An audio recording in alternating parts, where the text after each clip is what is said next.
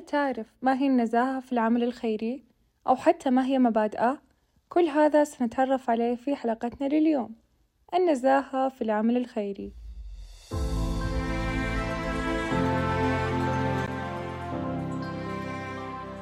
ثاني القيام بالعمل الخيري بطريقة شفافة ومبادئ أخلاقية عالية يعتبر العمل الخيري مهما لتحقيق العدالة الاجتماعية ومساعدة المجتمعات المحتاجة لذلك يجب أن يكون هناك مستوى عال من النزاهة والمصداقية في تنفيذ الأنشطة الخيرية.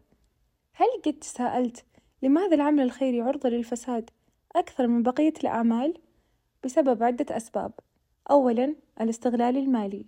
يمكن للتقصير في رقابة الأموال وعدم وجود آليات مناسبة لإدارة الأموال أن يؤدي إلى استغلالها بطرق غير مشروعة. قد يقوم بعض الأفراد بتحويل الأموال الخيرية لاستخدامها لأغراض شخصية أو الاحتيال على المؤسسة الخيرية. ثانيا تزييف المعلومات.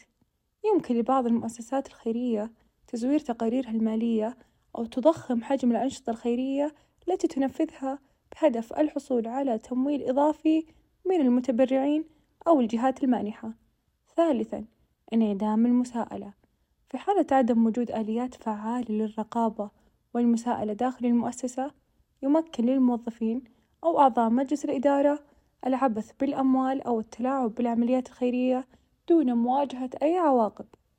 رابعًا التلاعب بالمشاريع يمكن أن تواجه المشاريع الخيرية التلاعب من قبل الجهات المتعاونة أو المتعاقدة التي قد تتلاعب في التكاليف أو جودة الخدمات التي يتم تقديمها للمستفيدين. فيما يلي بعض المبادئ التي تعزز النزاهة في العمل الخيري. واحد الشفافية يجب أن يكون هناك تبادل مفتوح للمعلومات المتعلقة بالمبالغ المالية والأنشطة الخيرية المنفذة وينبغي عرض التقارير المالية والميزانيات بشكل شفاف وواضح للعموم وذلك للتأكيد على استخدام الأموال بطريقة صحيحة وخالية من الفساد.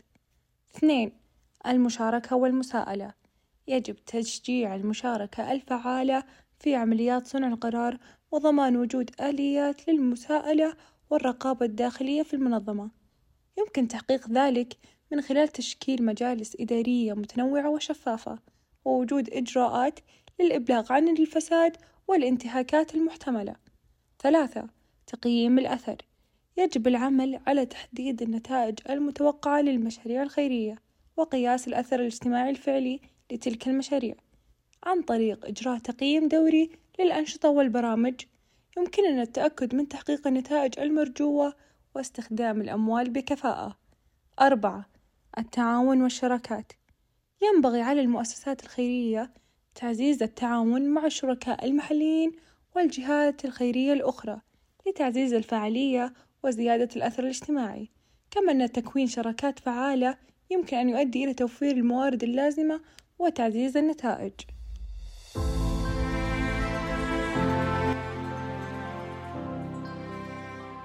أما في المملكة تعزز الحكومة النزاهة في العمل الخيري وتوفر إطارا قانونيا وتشريعيا لتنظيم هذا القطاع.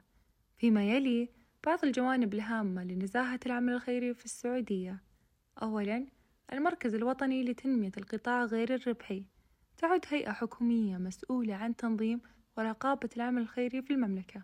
توفر الهيئة التراخيص وتبين المعايير والإجراءات اللازمة للمنظمات الخيرية. ثانيا قانون العمل الخيري. أقرت الهيئة العامة للزكاة والدخل لتنظيم العمل الخيري في السعودية. يتضمن القانون مجموعة من القواعد والمبادئ التي تهدف إلى ضمان النزاهة في إدارة المنظمات الخيرية. ثالثا التدقيق والرقابة على الممارسات المالية. يتعين على المنظمات الخيرية في السعودية تقديم تقارير مالية دورية للهيئة العامة للزكاة والدخل.